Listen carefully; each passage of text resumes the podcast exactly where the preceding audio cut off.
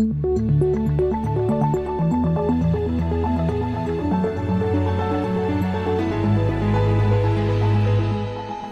This Morning.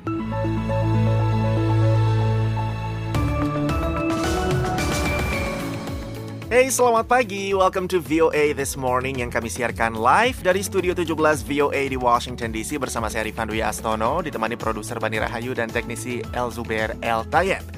Sudah hari Jumat, saatnya bersiap menuju akhir pekan nih. Tapi sebelum kita rileks Sabtu Minggu ini pagi ini seperti biasanya redaksi VOA sudah menyiapkan serangkaian berita hangat dari Indonesia dan mancanegara untuk Anda dalam edisi Jumat 12 Mei 2023. Di antaranya, menjelang berakhirnya penangguhan hak untuk mencari suaka yang disebut Title 42, semakin banyak migran berkumpul di perbatasan Meksiko dan Amerika. Tujuan dari apa yang sedang kami lakukan di perbatasan adalah menyederhanakan proses imigrasi legal.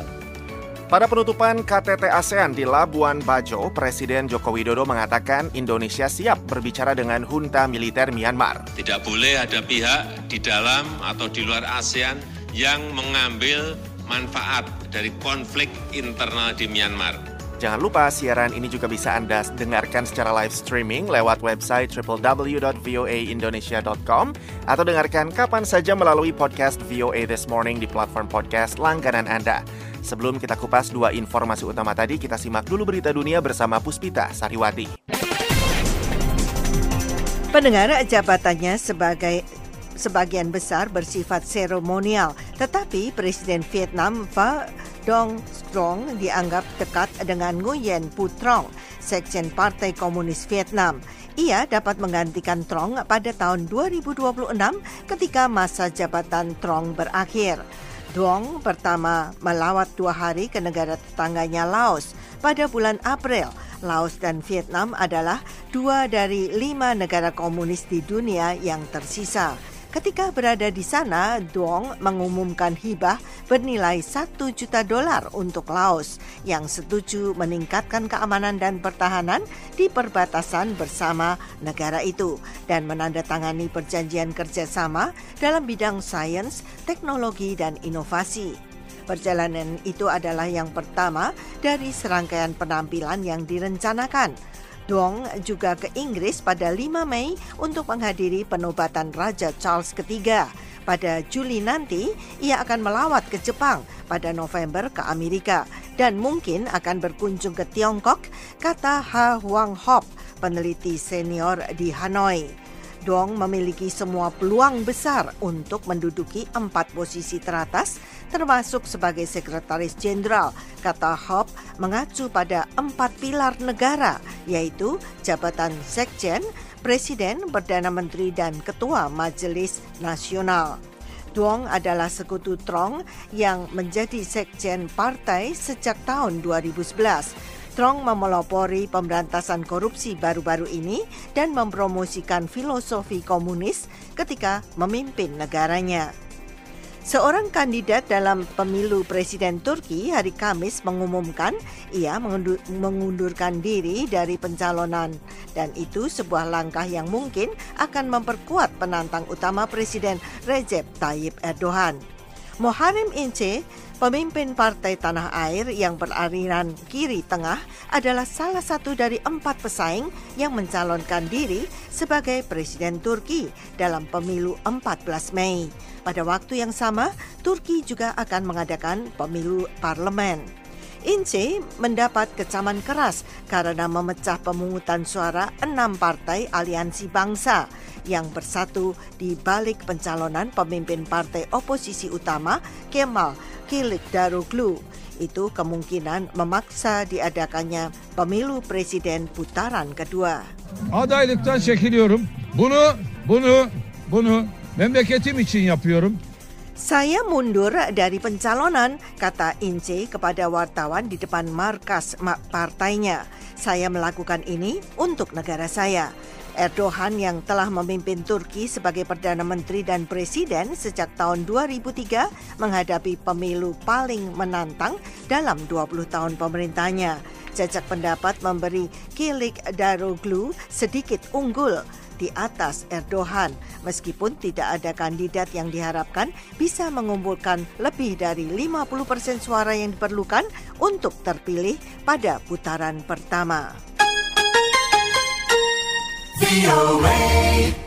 Pendengar para migran berkumpul di Matamoros, Meksiko hari Kamis dan menyeberangi sungai menuju perbatasan AS. Para migran yang berharap memasuki AS itu bergegas melewati perbatasan AS Meksiko pada jam-jam yang sepi sebelum pembatasan suaka terkait pandemi yang dikenal sebagai Title 42 hampir habis masa berlakunya. Mereka khawatir ada kebijakan baru yang lebih tegas akan jauh lebih menyulitkan setelah Kamis tengah malam. Petugas imigrasi Meksiko berbaris di bagian tepi sungai dan dengan cepat mencegah migran menyeberang. Namun jumlah migran semakin banyak melampaui jumlah petugas. Para migran yang membawa anak-anak dan kantong plastik berisi pakaian dengan cepat menyeberangi sungai Rio Grande.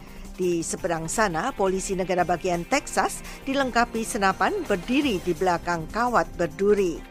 Tampaknya kehadiran penegak hukum AS jauh lebih banyak di titik-titik penyeberangan di mana pada sore sebelumnya setidaknya 200 migran telah menyeberang dengan menerobos kawat berduri.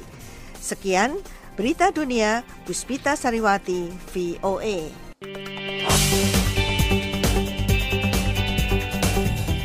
VOA This Morning menjelang berakhirnya penangguhan hak untuk mencari suaka yang disebut Title 42, semakin banyak migran berkumpul di perbatasan Meksiko dan Amerika Serikat. Mereka khawatir kebijakan baru akan semakin mempersulit mereka untuk masuk ke Amerika. Perbatasan Meksiko-Amerika dalam beberapa hari ini dipadati migran. Jumlah mereka semakin meningkat menjelang berakhirnya kebijakan Title 42 pada Kamis tengah malam waktu Amerika Timur agen-agen patroli perbatasan diperintahkan mulai membebaskan migran di sektor perbatasan mana pun kalau jumlah mereka 125 persen dari kapasitas penahanan. Migran dibebaskan dengan instruksi untuk melapor ke kantor imigrasi dalam waktu 60 hari, kata pejabat Amerika. Menjawab pertanyaan wartawan tentang kekacauan menjelang berakhirnya Title 42, Presiden Biden mengatakan, Tujuan dari apa yang sedang kami lakukan di perbatasan adalah menyederhanakan proses imigrasi legal. Yang ilegal prosesnya lebih cepat dan lebih baik dan bergerak ke arah yang orang tahu bahwa ada cara legal dan tidak legal untuk sampai ke sini. Walaupun mencegah banyak orang mencari suaka, Title 42 tidak disertai konsekuensi hukum, sehingga mendorong orang kembali mencoba melintasi perbatasan secara ilegal.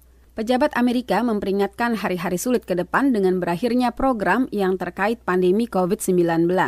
Setelah Kamis, Migran yang tertangkap menyeberang secara ilegal dilarang kembali ke Amerika selama lima tahun dan akan menghadapi tuntutan pidana jika melanggar. Pada saat yang sama, pemerintah memperkenalkan peraturan baru yang luas. Menteri Keamanan Dalam Negeri Amerika Alejandro Mayorkas dalam konferensi pers di Gedung Putih Kamis mengatakan, And our plan will deliver results. It will take time to be fully realized. Rencana kami akan berhasil tetapi butuh waktu untuk mewujudkan hasil tersebut sepenuhnya. Kebijakan baru akan mengatasi migran ilegal sekaligus membuka jalur hukum bagi migran yang mendaftar secara online, mencari sponsor, dan menjalani pemeriksaan latar belakang. Jika berhasil, itu secara mendasar akan mencegah migran melintasi perbatasan Meksiko-Amerika secara ilegal. Karlina Amkas, VOA Washington.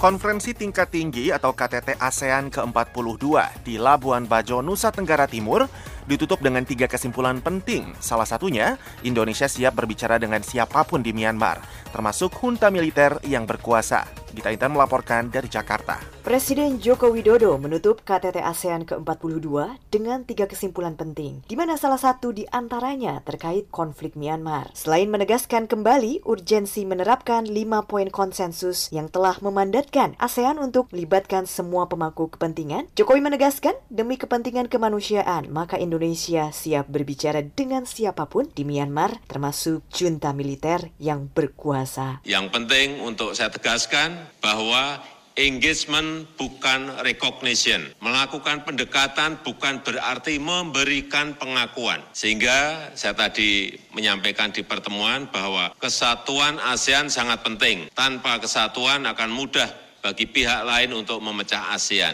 Saya yakin tidak satupun negara ASEAN menginginkan hal tersebut. Tidak boleh ada pihak di dalam atau di luar ASEAN yang mengambil manfaat dari konflik internal di Myanmar. Kekerasan harus dihentikan dan rakyat harus dilindungi. Lebih lanjut, Jokowi mengatakan Indonesia sudah berusaha untuk melibatkan seluruh pihak terkait di Myanmar untuk mencari berbagai solusi, termasuk mendorong lima poin konsensus, yakni melangsungkan dialog konstruktif, menghentikan kekerasan, mediasi antara berbagai pihak, memberikan bantuan kemanusiaan, dan mengirimkan delegasi ASEAN ke Myanmar. Pengamat hubungan internasional dari Universitas Pajajaran Teguh Reza Shah mengatakan, Indonesia yang saat ini memegang keketuaan ASEAN tidak boleh kehilangan kreativitas untuk menyelesaikan konflik Myanmar. Salah satu di antaranya memilih seorang tokoh dari Indonesia untuk bertemu dengan pimpinan junta militer sebagai utusan presiden, bukan utusan khusus biasa. Menurutnya, sosok tepat yang bisa diutus oleh Jokowi adalah Wiranto,